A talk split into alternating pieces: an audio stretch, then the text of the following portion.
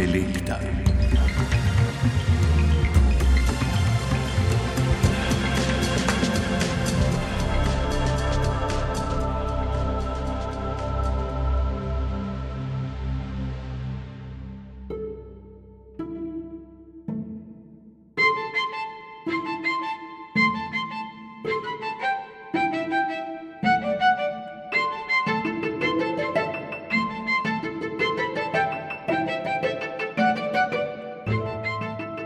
watching Ličinke mravelj, galebi, njorke, gosenice, plankton. Bi jih poskusili? Omenjeno hrano seveda dobimo samo v nekaterih delih sveta, pogosto tudi le v mišljenovih restauracijah, a če se osredinimo na Evropo, bi morda v prihodnjih letih ali desetletjih pripravljali tudi meduze. Vasmika, Govorimo o res vrhunskih strokovnjakih, ki so nam pripravili nekaj idej, kako bi lahko meduze jedli.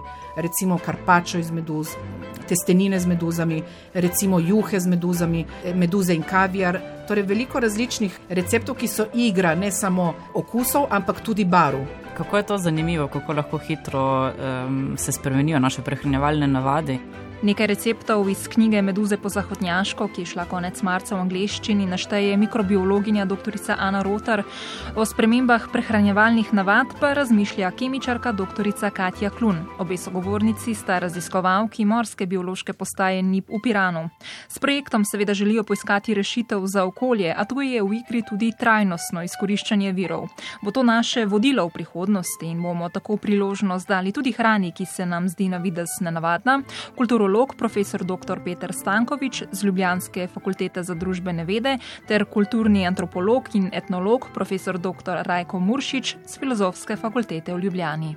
Na zahodu sodobni zahodni človek v bistvu je zelo ujet v ta ne, skratka, diskurs zdravja, zdravega življenja. Ne. Tako da v bistvu ja, hrana v bistvu mislim, da tle zelo nekako je odvisna od tega in tudi te nove hrane, ki jih omenjate, ne, po mojem, je dosta odvisno enostavno, kako bojo umeščene v tem, tem diskurzivnem okviru zdravstvenem. Ne, jaz mislim, da je etika prva. Prva je etična, etičen premislek o tem, kaj smemo, če se ne smemo, kaj je prav in kaj je narobe. Ne? In tu so še kuharski mojstri, ki ne malo krat tudi šokirajo z jedmi. A namen ni vedno šokirati, pravi šef Paul Andreas Ciska iz Mišljenove restauracije na Ferskem otočju. Mislim, da je pomembno razmišljati, kaj je smiselno jesti v prostoru, v katerem živiš. Zakaj bi bilo sramotno zame jesti meso kita, ki je v mojem primeru najbolj trajnostna stvar, ki jo lahko tu narediš? Na vse zadnje to počnemo že stoletja. Zakaj jemo, oziroma zakaj bomo jedli hrano, ki jo pogosto označimo za hrano prihodnosti? O tem v današnji intelekti na prvem, ki sem jo pripravila Tina Lamovšek.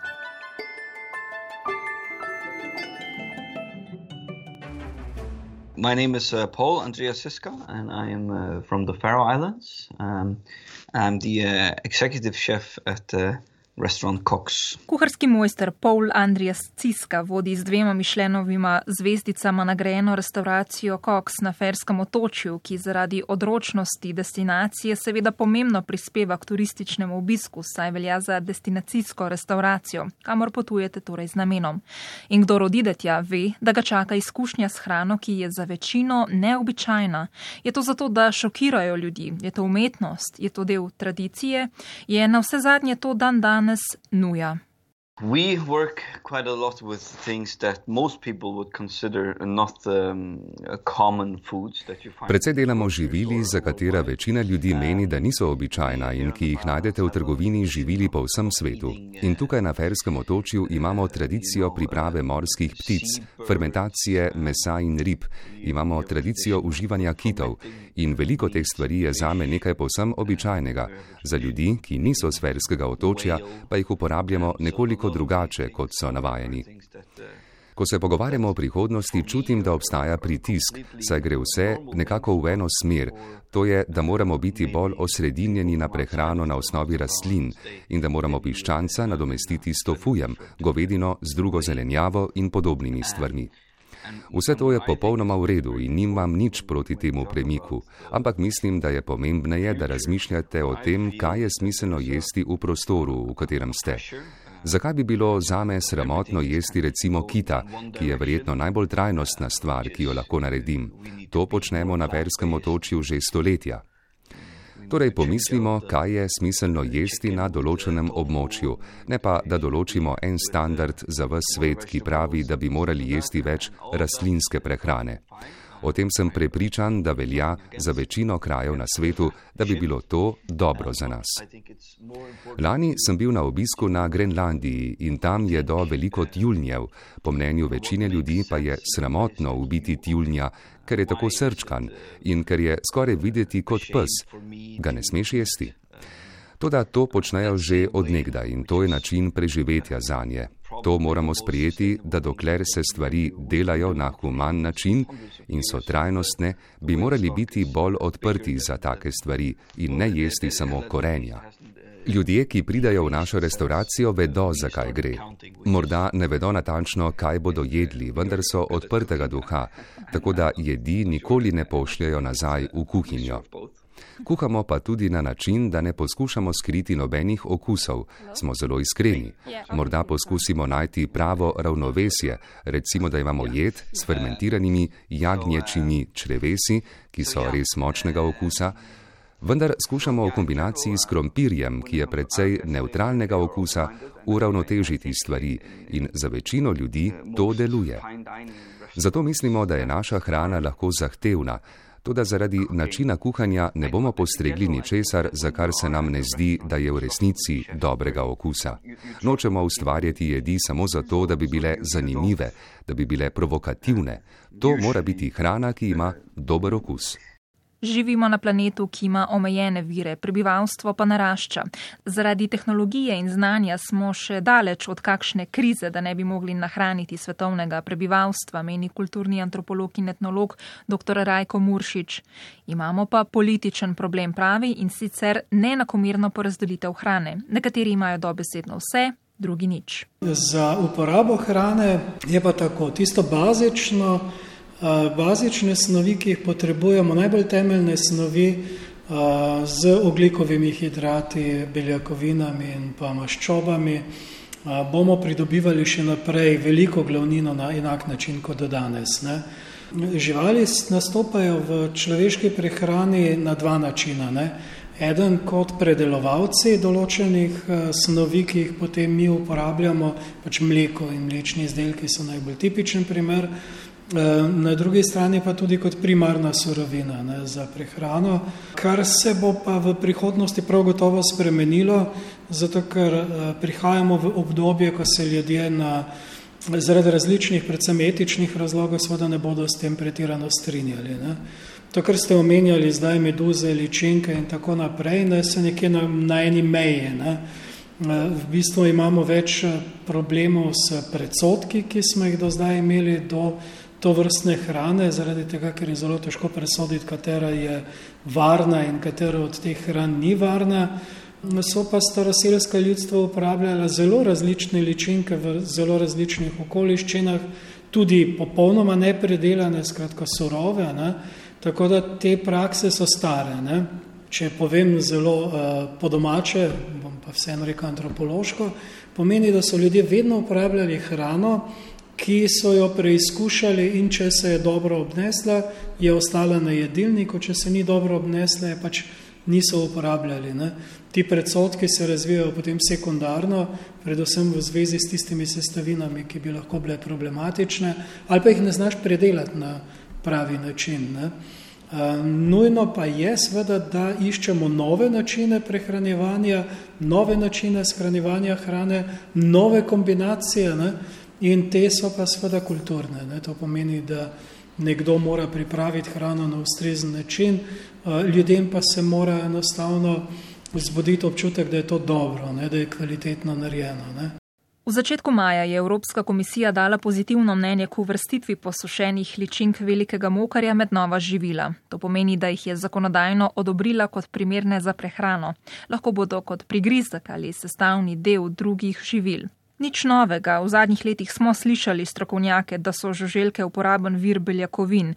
Je pa bila v Sloveniji že pred leti podjetniška pobuda o pridelavi mokarjev za prehranske potrebe, med drugim tudi v obliki beljakovinske ploščice, v kateri je bil kot glavni vir proteinov dodan mlet prah iz insektov mokarjev. Zaradi omejitev v slovenski zakonodaji so se zato preusmerili v izdelavo gnojili iz iztrebkov ličink, a danes lahko pri nas spet najdemo butično farmo s tovrstnimi prigrizki.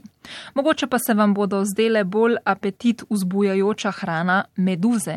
V okviru projekta GoJelly, ki ga vodi Nacionalni raziskovalni svet iz Rima, je v angleščini šla, na slovenski prevod še čakamo, knjiga Meduze po zahodnjaško.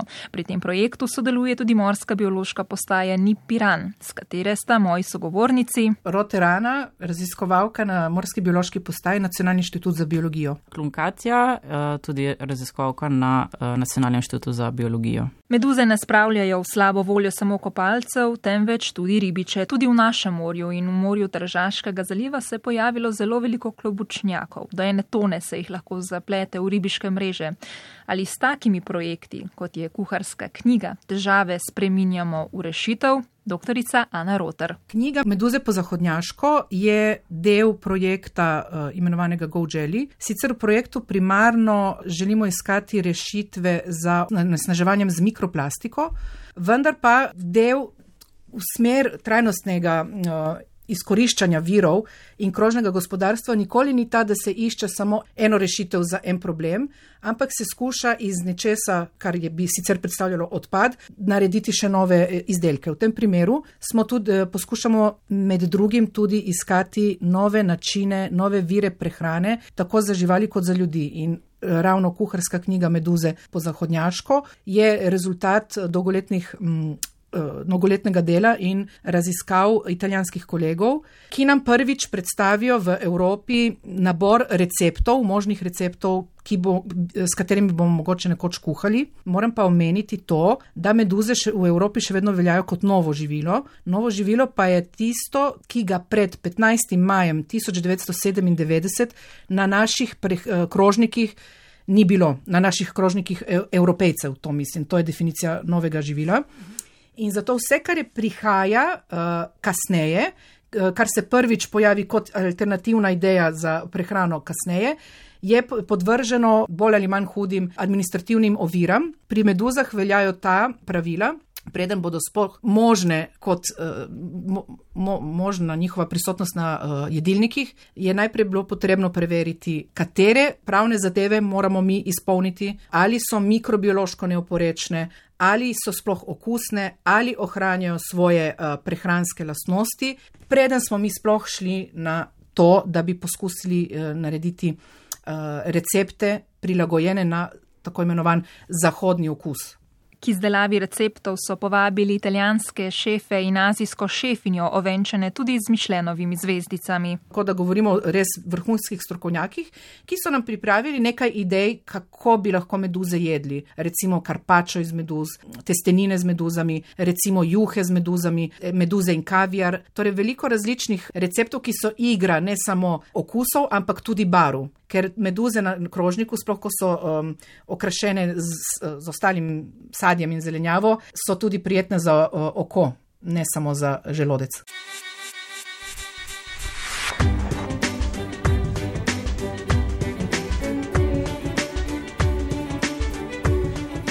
Dobro, jaz sem kulturolog, ne sem meni vse v redu. Očitno grejo stvari v to smer in um, jaz nimam nobenih, kočem nekih hudih težav s tem. Tudi sam kuham zelo raznolike zadeve, sicer po enem drugem ključu, ne skratka iz različnih krajev celega sveta, ampak ne vem, v splošnem se mi zdi kakršno koli širjenje prehrambenih horizontov dobro. Ne. Kulturolog Petr Stankovič tako pozitivno sprejema novice o novih, morda prihodnjih prehranskih usmeritvah, pri motivu, ki bi prevladovali pri tem, zakaj bi se sploh odločili pokusiti nenavadno hrano, pa ne prevladujeta samo okoljski aktivizem in okoljska etika. Drug vidik je v bistvu dober, ne se pravi, ko ne rečem, ne moramo tudi razumeti, da je pa čisto kulturološko, ne se pravi, v bistvu živimo v enem takem do, v, v dobju, ne, času, ko rečem dobi, ne izkustev, ne se pravi pravi, v bistvu, ne, kot da je v bistvu smisel življenja čim več stvari probati, ne, čim več žem, destinacij prepotovati, čim več probati raznih teh unih praks, možnosti, gor, dol, levo, desno. Ne. Tako da v bistvu tudi le, ne, hrana pade nekako v ta kontekst, ne, se pravi, da nas lahko je ena izmed teh, ne, skratka, izkustev, ne, novih, zanimivih. Se pravi, to je ena stvar. Zdaj, spet tretja stvar je pa v bistvu nekaj, kar je, ja, malo govorimo, ne, ko govorimo o sodobnih časih na nek način, v bistvu, da smo, ne, skratka, živimo v časih, ki jih zaznamuje kultura ekstremnega. Ne? Se pravi, v bistvu zelo so, a veste, neskatka, ekstremni skoki, ekstremna, neskatka, športi, ekstremne počitnice. Te robne, robne prakse ne? so ratale zelo aktualne, zanimive. Ne? Skratka, zdaj je zanimivo vprašanje, zakaj se to dogaja. Nek ne, nemški sociolog Georg Zimmel je že pred stotimi leti razmišljal o tem ne? in je razmišljal o tem, hoja v hribe, ekstremna zadeva.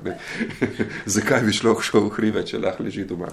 Uh, ne, to se je takrat začelo, ne, planinari ne, in tako naprej. Njegova teza je bila pač to, da živimo v bistvu ne, skratka, kapitalizem, ne, skratka, ne, marketing, promocije, skratka, glasen, glasen, glasen sistem je to, ne, se pravi reklame, akcije, um, ne vem, svetlobni napisi, skratka, flashi, ne, skratka, borimo se za pozornost, vsak ne, nas trka ne, na telefonu, na televiziji, televiziji, ne skratka z enimi sporočili in tako naprej. Se pravi, v bistvu blazno smo, ni, človek nikoli v zgodovini ni bil niti slučajno tako zelo bombardiran z različnimi temi informacijami, nagovori in tako naprej.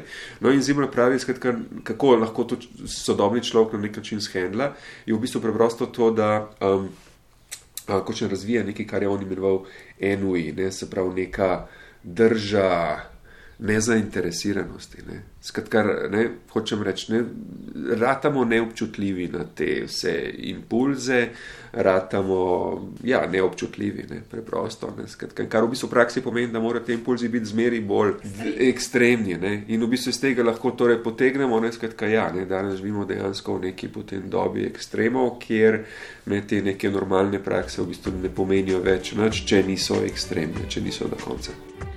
Hkrati je Petr Stankovič zadržan pri napovedi, da bodo ličinke gosenice, meduze, kobilice in podobno na našem vsakdanjem krožniku.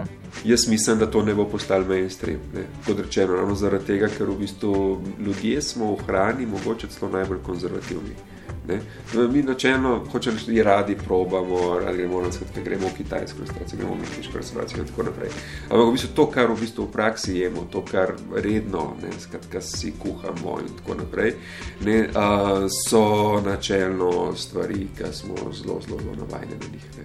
Tako da hoče reči, ne, mislim, da se te prehranjevalni obzorci v resnici počasi spremenjajo. Oziroma, če se spremenjajo, se spremenjajo na ta način, vem, da imamo zdaj fast food, ne, ne v tem smislu, da nimaš kosila v 12 doma, ampak nekje na hiter poješ. Bolj, bolj skratka, sama ta praksa prehranjevanja, v bistvu, kot to, kaj ješ.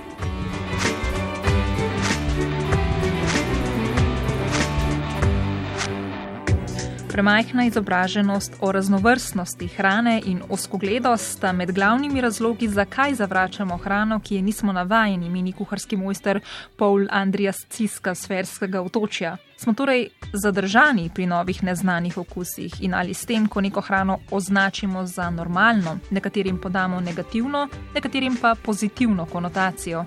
Yeah, yeah. I think I think we are uh, we know too little about what what this. Uh Ja, v veliki meri ja. Mislim, da premalo vemo, kaj je normalno jesti na različnih koncih sveta. Ker imamo velike franšize, ne glede na to, kam greste, lahko vedno dobite hamburger in Coca-Colo. Zakaj bi poskusili nekaj novega, če lahko najdete svoje varno zatočišče v stvarih, ki jih poznate? Torej, ja, mislim, da smo pri tem zelo omejeni. Strpnost pa je še bolj omejena. To občutimo na Verskem otočju in na Grenlandiji ter v mnogih delih sveta, kjer smo prisiljeni živeti od morja, prisiljeni živeti od živali, ki jih ima večina za ljubke. Čutimo, da se veliko ljudi poskuša dejansko umešavati, ker ne razumejo nujnosti teh stvari. Zato bi rada, da bi ljudje pogledali stvari globlje, si ogledali, kaj je trajnostno, kaj je smiselno v naši lokalni skupnosti, namesto da bi poskušali, da bi vsi na svetu jedli enake stvari in imeli enak standard za normalno prehrano po vsem svetu. Tega se pravzaprav nekoliko bojim, ker obstaja velik pritisk na države, ki počnejo stvari, ki jih nekatere druge države nimajo za, v navednicah, normalne.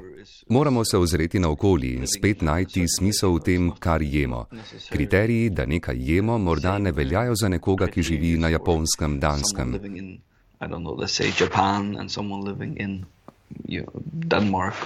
Naše vedenje o tem, odkot vse lahko črpamo hrano in kaj vse lahko spravimo na naše krožnike, je zelo omejeno. Ana Roter se strinja, da bomo morali še malo pobrskati po morskih globinah za ideje. Večina poslušalcev bo verjetno prvo in edino pomislila na ribe in školke, vendar uh, nis, naše morje uh, in oceani ne ponujajo samo tega. Danes govorimo sicer o meduzah, so pa že nekaj let. M, Kot alternativni vir prehrane prisotne tudi alge, makroalge, eh, morske trave, eh, zaradi svojih pozitivnih efektov na naše zdravje oziroma zdravstveno blagostanje.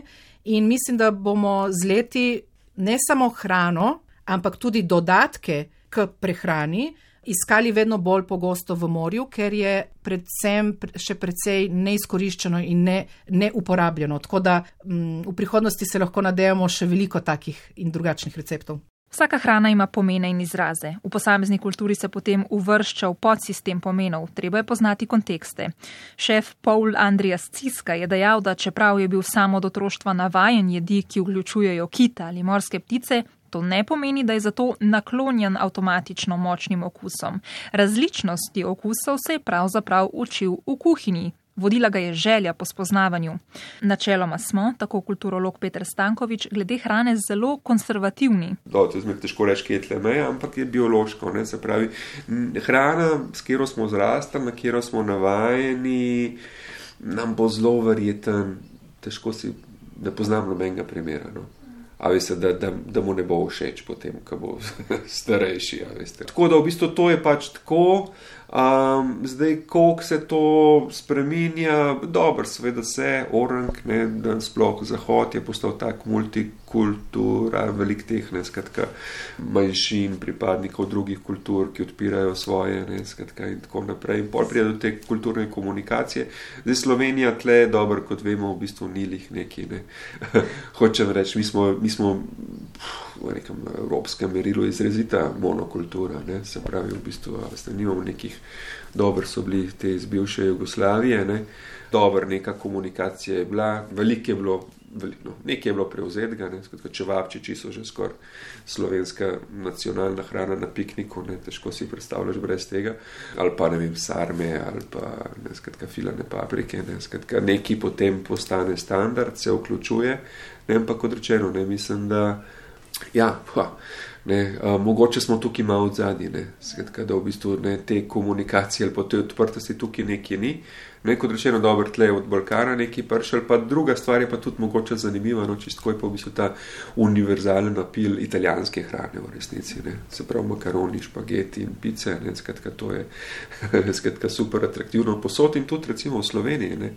Mi smo recimo pred časom delali neko raziskavo v Fužinah, ne, kjer nas je zanimalo zdaj v bistvu, kakšna je komunikacija ta kulinarična med Slovenci pa priseljenci, ne, skratka iz drugih jugoslovanskih republik bivših jugoslovanskih republik, ne, se pravi, koliko zdaj Slovenci prevzemajo od njih in koliko imigranti prevzemajo od Slovencev. Kaj smo ugotovili, da v bistvu tako ja, nekje je, ampak v bistvu basically vsi največ kuhajo, ne skodi špagete pa pice. Ne, to, ne, tako da v bistvu so, to je neka taka hecna razmerja. Ne. Torej nismo taki fudi, kot si želimo biti, ne? ker to je neka podzvrst turista, popotnikov, ratala, da si fudi, torej da potuješ z namenom gastronomije. Ja, Ja, ja, no, se pravi, to gre predvsej v to smer. No, kar sem hotel reči, mogoče v Sloveniji celo malo manj kot kje drugje. No. Čistko. No. Ja. Tako da mislim, da v bistvu tle tudi nekako no, so te ne, prehranjevalni standardi dost jasni, tudi če kaj drugega, ne skratka, mora biti, ne skratka, s tem rečem slovenska sveta trojica, ko se kombinira, ne skratka, je v bistvu meso, krumpir, salata, ne skratka, zdaj, če nekaj v tej kombinaciji manjka, je že takoj nekaj čudnega. Ne. Ne, in zdaj, recimo, pol tudi ne vidim, če človek gre kam drugam, ne skratka, tudi kaj probati, ampak ne, mora biti nekako v tej kombinaciji. Ne. Ne, jaz, jaz rad kuham tako iz celega sveta, ne, recimo, ne, pol ne, lahko tam ne, kuham vse že v Kitajski, ne vem kaj, ampak hoče žena še zeleno salato zraven. Hoče pa, to se ne je tam tako, ne, ja, vse, to je boš. tako da v tem smislu, ne.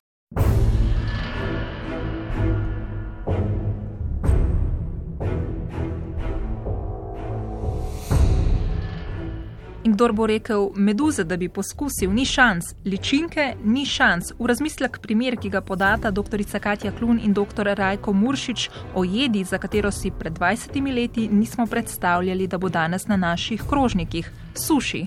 Kako je to zanimivo, kako lahko hitro um, se spremenijo naše prehranjevalne navade in da si tega recimo dan danes tako, vsaj jaz osebno zelo želim, ne, uh, pojesti suši, se pravi, ko sem bila majhna, najstnica, pa še mlajša, pa nisem slišala kaj dosti o tem, mogoče sem po kakšnih risankah eh, japonskih, ki sem to videla, ne. Tako da tukaj je zelo zanimivo, kako neki trendi lahko spremenijo naše prehranjevalne navade. In uh, mislim, da sama že potreba po zagotavljanju svetovne uh, produkcije hrane bo nekako tudi usmerjala uh, trg in navade naše. Ker, kot sem brala statistiko, je mislim, da prognoza do leta 2050, da bo nekje okrog 10 milijard uh, ljudi na svetu. Uh, tako da mislim, da bo res nujno, nujno potrebno najti nove vire prehrane, ali bojo to kot naravni vir, ali kot gojene, ali v kakšni drugi obliki, bo potrebno najti neke alternative, vsekakor, ker drugače po vsej verjetnosti ne bomo zmožni takih produkcij. Tako da vsekakor so to in ozaveščeni ljudi že od malega, ne? se je tukaj tudi izobraževanje otrok, recimo že od malega, da to je lahko na krožniku, recimo to je ena zadeva. In druga pa seveda so neki, ja, lahko trendi, ampak predvsem mislim, da ozaveščanje in nekje ponujanje na krožniku ljudem, ki se bojo s časom verjetno uh, uh, lahko jim približala tudi meduza na krožniku. Ne. Tako kot na, se v, v bistvu v Aziji, na kitajskem poznajo to jed že tisočletja in jo zelo, zelo cenijo in so pripravljeni tudi, um, da jim reč. Več plačati za, za krožnik z meduzo, ne, uh, kot recimo karkoli drugega. Recimo. Tako da, ja, mislim, da je tukaj prihodnost, vsekakor, ker meduze so tu. ne dvomim, da bodo našli kakšno čarobno formulo za to. Ne. Vam bom dal en tak krasen primer, glede na to, kar sem prej povedal. Suši, ne. japonski, je tipičen primer hrane, ki so jo naredili na podlagi premisleka o tem, da imamo ogromno alg, ki jih ne uporabljamo v vsakdanji prehrani, kako alge spraviti na krožnik. Ne. In suši je idealna kombinacija alge plus uh, riž, ne, plus še nekaj uh, morske, morskih sadežev ali pa, uh, ali pa zelenjave ali pa česar koli. Uh, in je postal svetovna uspešnica ne, kot tak. Ne. Nekaj podobnega bodo zelo verjetno razvili tudi na ta način. Ne. Uh, ampak ponavljam pa dve stvari. Ne. Mi se na okus moramo privaditi. Eh, ko so začeli uvajati krompir ob koncu 18. stoletja, ga ljudje niso znali ne predelovati, pridelovati, predelovati, niti uživati. Ne? In je trajalo desetletje, da so se temu privadili in ko je postal del vsakdanje opreme, se jim sploh, sploh življenje ne več ne znamo predstavljati brez njega. Ne? Jaz sem recimo dovolj star, da se spomnim, da tudi pizzerij ni bilo nekoč eh, pri nas. Ne? In prve pice, ki smo jih jedli, so se nam zdele grozne. Ena najbolj groznih, grozna hrana, kako ljudje lahko kaj takšnega jejo. Ne? Ker nisi navajen, ker ne veš, na kakšen način naj bi jedel ne? in ne znaš uživati v tem. Ne? Ko se naučiš In ko prideš, kot se reče temu po domače, na okus, ne, se pa zadeva popolnoma spremeni. Danes si življenje brez pice ne znamo več predstavljati ne, in govorim samo o obdobju 50 let, ne nič več. Uh, podobno bo s tem. Ne. Določene stvari bodo zagotovo prišle v prehrano, v splošno prehrano in bodo ljudem všeč. Ne. Določene stvari pač ne, ne, ampak vse pa zahtevajo svoj čas. Uh, pri tem ne bo pomagala propaganda, ne, ampak čisto preprosto iznajdljivost in uh, želja po spremembi. Ne. Jemo z očmi, to je res, a to ni dovolj, meni Rajko Muršič. Nisem pa pripričan, da so samo oči tiste, s katerimi jemo. Ne? Zdaj, prehranevanje je dejansko uh, družbena in tudi veččutna izkušnja. Ne? Družbena je v tem smislu, da zelo redko kdaj jemo sami, ne? to pomeni, da si vedno hrano delimo z drugim ali pa vse izkušnjo prehranevanja, kar je tu in tam lahko precej neprijetno, v glavnem nam je pa zelo prijetno, da je uh, uživamo hrano za drugimi ljudmi in tudi uporabljamo izraz uživamo ne, hrano. In vsi skupaj se bomo počasi privadili seveda novih uh, določenih okusov. Veččutno pa govorim zato, ker takoj, ko okusiš uh, hrano v ustih, se ti uh, zbudijo tudi drugi čuti. Ne? Torej, seveda pogled na krožnik je že sam po sebi neka posebna atrakcija, ampak veš, da se ga bo šlo in da na koncu se bo zadeva spremenila. Ne? Ampak hkrati smo pozorni tudi na zven konec koncev hrane ne?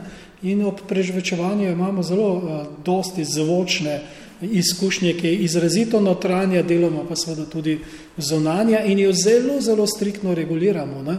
To recimo, kako je do uh, juho na japonskem, ne? je nekaj popolnoma drugega od tega, kako mi uživamo juho tukaj. Ne? Zvočno govorim ne? in se moraš privaditi temu. Ne? Um, in tudi uh, uh, otip hrane, ne? mehko, trdo, uh, prožno in tako naprej. Ne? Uh, tudi če tipamo hrano z vilicami, noži in pa žlico, ne, jo še vedno tipamo, tudi če je to posredno. Ne.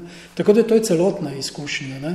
In ta celovita izkušnja, družbena in individualna, hkrati notranja in zunanja, hkrati govorim sa telesnega vidika, ne, je um, precej več kot zgolj zadovoljevanje naših fizioloških potreb. Ne. To je dejansko kulturno početje skupaj z drugimi ljudmi, ki nam ustvarja neko smiselno celoto. In še kulturološki vidik prehranjevanja. Hrana, kot je že ugotavljal Pierre Bourdieu, nosi konotacijo in o tem je Peter Stankovič pisal v članku Burek, ja bite.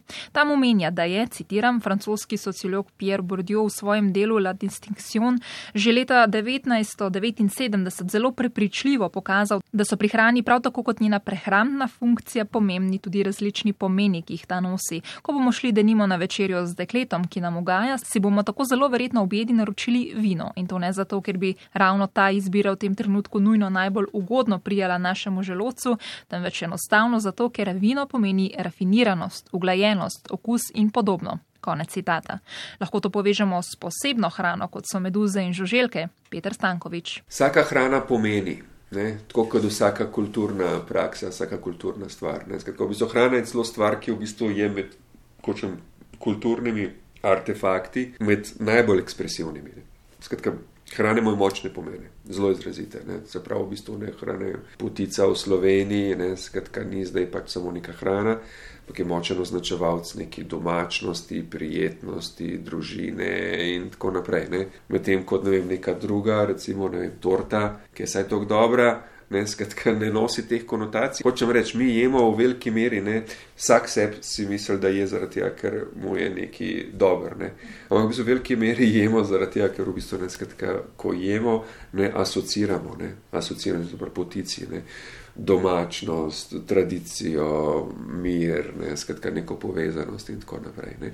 Tako da v bistvu, ja, hrane v bistvu nosijo moč, močne znake, zelo izrazite, tako da v bistvu v tem smislu seveda tudi pomemben, recimo, pol ta, ne, skratka, nova ekstremna hrana, ne, skratka, v bistvu je po tem smislu zanimiva, ne, ker v bistvu ti s tem nekaj označuješ, ti nekaj poveš, nekaj, ne, skratka, simboliziraš. Mogoče spet v tem smislu živimo v svetu, ko ne rečem, ne, kjer je treba vedno bolj glasno uveljavljati svojo drugačnost. Ne, skratka, v tem smislu je potem to dober način.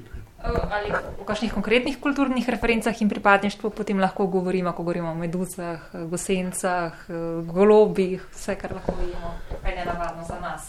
Ja, zdaj ne vem, če je to v pripadništvih, ne, bolj kot bi rekel v identitetah. Ne. Se pravi, v bistvu, kako sami sebe opredelimo, kako sami sebe razumemo in kako v bistvu sami sebe komuniciramo na ozven. In v bistvu, recimo, s takimi hranami, v bistvu mi komuniciramo, skratka, kaj, da smo odprti, da smo avanturistični, da smo zanimivi, ne, skratka, da smo nezakompleksani. Ne, se pravi, v bistvu, nek, da ne se pravi, v bistvu označujemo eno tako. Ja, kot rečeno, ne skratka odprtost, neobremenjenost, avanturizem, ne, zanimivost. To so stvari, v končni fazi, ki so atraktivne. Ne.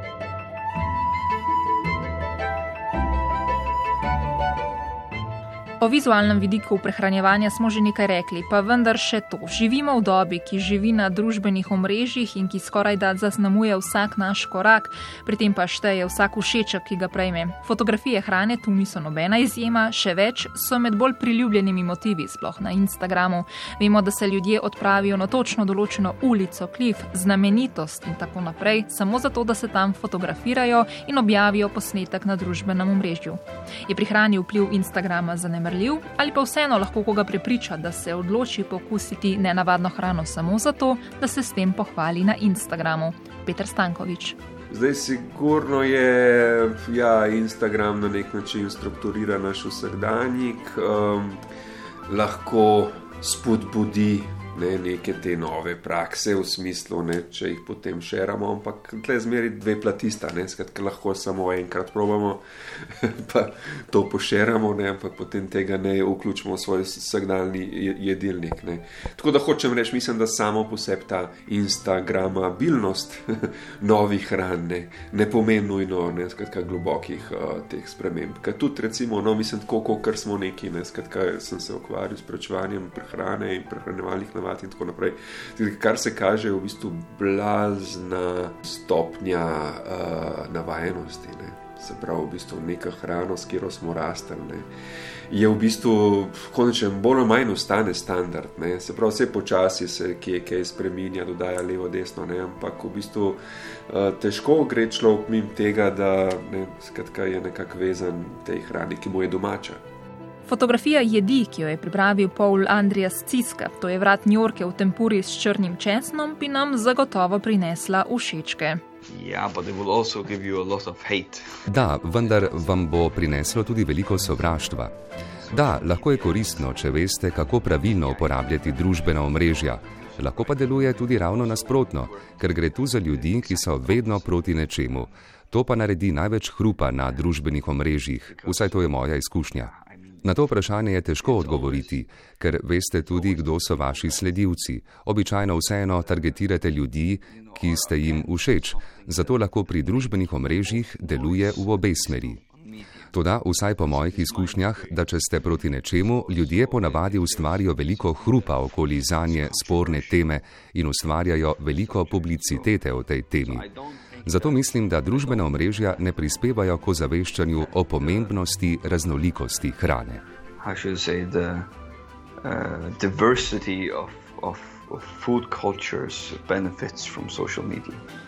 Nove generacije šefov morda čutijo pritisk, da morajo navdih in živila črpati svoje okolice iz svojega okolja. Ne pozabimo na razraz tako imenovane cancel culture, kulture odpovedi. Gre za družbeni fenomen, ki ljudem pod okriljem družbenih omrežij v roke polaga velikansko moč, da so rabelj nepremišljenih in politično nekorektnih izjav in potez, da javno sramotijo in dajo košarice. Yeah, yeah, yeah, for sure, for sure. I think that there is a pressure. Uh, I think that there is a pressure on. Uh, Zagotovo obstaja pritisk, ja. Mislim, da obstaja pritisk ne le na kuharje, ampak tudi na katerokoli vrsto podjetja, da se zavedate, da morajo biti okoljsko odgovorni, trajnostni ali družbeno odgovorni. To je danes velika odgovornost in verjamem, da bo morala v prihodnosti ne le restauracija, ampak tudi katerokoli podjetje določene velikosti izpolnjevati nekatere merila, ko gre za trajnost in okolje. Ja, ljudje čutijo pritisk, vendar mislim, da je to dobro. Mislim, da če imate tak občutek pritiska, da ste bolj motivirani, da greste v to smer, ki pa je tudi prava smer. S tem ne rečem, da nekaterih stvari ne moremo uvoziti iz drugih krajev, ni treba, da smo hiperlokalni. Toda, kot ste omenili, morda januarja ni treba imeti sladice z jagodami. But, uh, as you mentioned, maybe it's not necessary to have a dessert with strawberry in January. Družbena omrežja, oglaševanje in podobno v nas ustvarjajo občutek, da ne nehno nekaj zamujamo. Rajko Muršič. To zna biti en del uh, tega problema. Zdaj bom malo drugače povedal, če sem prej govoril o politiki, bom zdaj povedal o družbenem sistemu, to je kapitalizem. Ne? Kapitalizem temelji na tem, da ti enostavno človeku prodaš nekaj, kar uh, ti hočeš prodati, ne glede na to, ali mora on to kupiti ali ne. In v prehrani bo zadeva ista, oziroma je že ista. Ne? So določeni deli eh, prehrane, ki smo jih odkrili v zadnjih nekaj desetletjih, recimo avokado je tak tipičen primer, ki se zdi, da je to idealno živilo, ali pa soja, ne? če dam samo ta dva primera. Dejansko gledano z čisto nutricionističnega zornega kota so to idealne živile, ki jih potrebujemo. Ličinke in podobne reči sodijo zelo blizu temu. Ne? Niso tako idealne, ampak so pa zelo kvalitetna hrana, če tako rečem, zopet nutricionistično. Ne? Zdaj problem je pa v tem, da takoj, ko nekdo zavoha dobiček, ki ga lahko iz tega vleče, seveda to potegne za seboj neznosno uničevanje ljudi in pa okolja. V čisto vsakem primeru. Ne? Tako da tudi ta izhod, recimo, ki ga zdaj iščemo, na nek način lahko pripelje do tega, da bomo zopet naredili monokulturne proizvodnje, v katerih bomo zato, da bomo dobili neko hranivo, ki bo kvalitetno, ne, morali uničiti en kup drugih reči, da bomo prišli lahko do tega. Ne. Torej, zdaj ne govorim samo o kmetijskih zemljiščih, ki jih uničujejo zaradi pridelave avokada, recimo v Mehiki ali pa soje praktično povsod po svetu. Ne. Govorimo o celotnih verigah, v katerih potem pridemo do tega, da nekje v tej verigi moramo najti zastonsko ali pa čim nižje plačano delovno silo, ne, ki nam bo poskrbela za, bom rekel, dobrobit tistih, ki to verigo pravzaprav vodijo. Ne.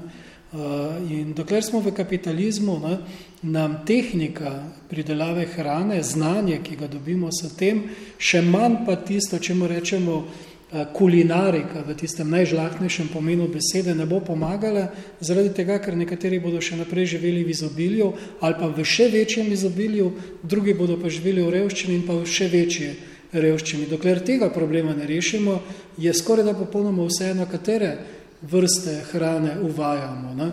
ker bomo vedno pod kapitalizmom nujno povzročili ekološko in seveda tudi demografske katastrofe. Smo tudi pod vplivom živilske industrije, ki nam določa najnovejše modne težnje, predvsem pa prodaja posamezna živila kot nekaj več. Le spomnimo se, kakšen bum je doživela oznaka super hrana, super živila. Spet v kontekstu nenavadne hrane. Bomo dovzetnejši za njo, če bo drugače komunicirana, naprimer meduza kot super živilo. Peter Stankovič. En tak izrazit metadiskurs, ne, ki strukturira naš odnos do hrane na zahodu, ne, skratka danes, je v bistvu zdravje. Ne. Se pravi, v bistvu, ne, zdaj recimo, ne, to se nam zdi zelo samoumevno, ne, to je zdravo, uro je zdravo, ok, idemo to prakticirati, ampak ne vem, včasih ni bilo, ne. V srednjem veku ni zdaj uno, a boš zdaj, a je to zdaj umr jasec, ki ga boš pojedel, je to zdravo ali ni zdravo. Ne? Vprašanje je bilo dobro ali ni dobro. Simple as that. Ne? Rekel, da zdaj, mislim, da sploh ne bi razumeli tega, da mi začne nekaj razlagati, da je zdravo. Ne? To so pač te diskurzi, diskurzi ne, ki so nam zelo samoumevni. In na zahodu, sodobni zahodni človek v bistvu je zelo ujet v ta ne? skratka diskurs zdravja, zdravega življenja. Ne? Tako da v bistvu, ja, hrana v bistvu mislim, da tle zelo nekako je odvisna od tega in tudi te nove hrane, ki jih omenjate, ne, po mojem, je dosta odvisno enostavno, kako bojo umeščene v ta, tem diskurzivnem okviru, zdravstvenem. Ne. Se pravi, mogoče bolj kot, a je zanimivo ali ni zanimivo, ali je vem, ekološko ali ni ekološko. Ne. Mislim, da v bistvu, a je zdravo ali ni zdravo. To, to. to je vprašanje, ki bo na prvem mestu. Po mojem, ja, po ja. mojem. Ker smo, kot rečeno, kultura izrazito obsedena zdravjem. O tem, kako je stvar prezentirana, doktorica Katja Klun z Morske biološke postaje Piran. Vsekakor, ne, ampak dejansko še vedno moramo tukaj, kako bi rekla, ok, slediti trendom je ena stvar, ampak tudi seveda strokovnjakom, kaj seveda tudi zagotavlja, da neka prehrana v redu za nas in je dovolj hranljiva in zagotavlja neko um, zdrav način uh, prehrane. In eh, v neki smeri meduze, dajmo reči, da so tukaj zdrav način lahko neke prihodnosti prehranjevanja. Ker namreč, okay, če pogledamo meduzo kot tako, je to večinoma je sestavljena iz same vode. Več kot 95% je meduza iz vode, preostanek pa je sol in organska snov. Organska snov pa večinsko so to so beljakovine. Tako da dajmo reči, ja, so zelo nizkokalorične in je tukaj bo zelo, zelo pomembna uh, priprava teh meduzlih in je tukaj tudi zahtevna priprava teh meduz po eni strani v prehranske namene, ravno zaradi tega, ker so tako vodnate. Uh, in kako hraniti to njihovo uh, lep izgled, da jim reč, in da so atraktivne še vedno za prehrano. Tako da tukaj v tej knjigi uh, je tudi to predstavljeno um, kako bi to zelo lepo tudi na krožniku izgledalo in da bo še vedno hranljivo in tudi v bistvu uh, iz vidika zdravstvenega preverjeno, ne, da, je, da je to še vedno um, užitno, seveda. In vi ste tudi že preizkusili meduzo, ne? vaša ocena? Smo jo, ampak moram povedati iskreno, da tisto azijsko Tako da to po zahodnjaško nisem še, ampak dajmo reči, da mi je bilo tudi tista všeč, ker je tako hrustljava, kot dajmo reči kislo zeljeno, tako na, na, zelo na, uh, uh, na grobo povedano. No.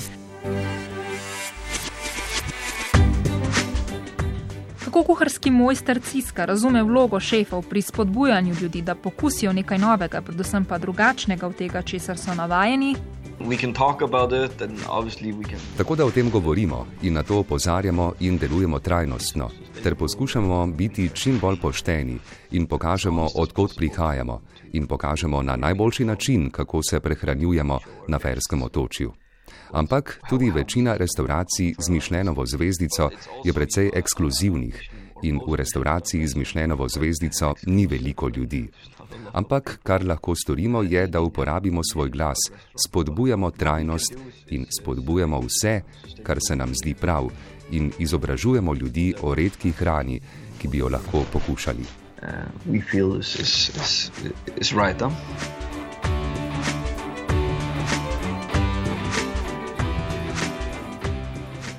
oddaji so svoje razmišljanja o hrani, ki je morda neobičajna, včasih še kako nujna, če želimo slediti trajnostni smeri, podali raziskovalki Morske biološke postaje NIP v Piranu, dr. Ana Rotar in dr. Katja Klun, kulturolog dr. Petr Stankovič, kulturni antropolog in etnolog dr. Rajko Muršič in kuharski mojster Paul Andrijas Ciska, ki vodi z Mišljenovima zvezdicama nagrajeno restauracijo Cox na Ferskem otočju. Oddajo smo oblikovali glasbeni urednik Rudi Pančur, tonski mojster Jernej Boc, napovedovalec igralec Bernard Stramič in novinarka Tina Lamovšek.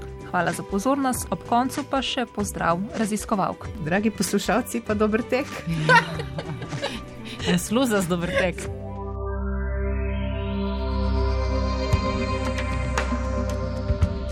Intelektualno.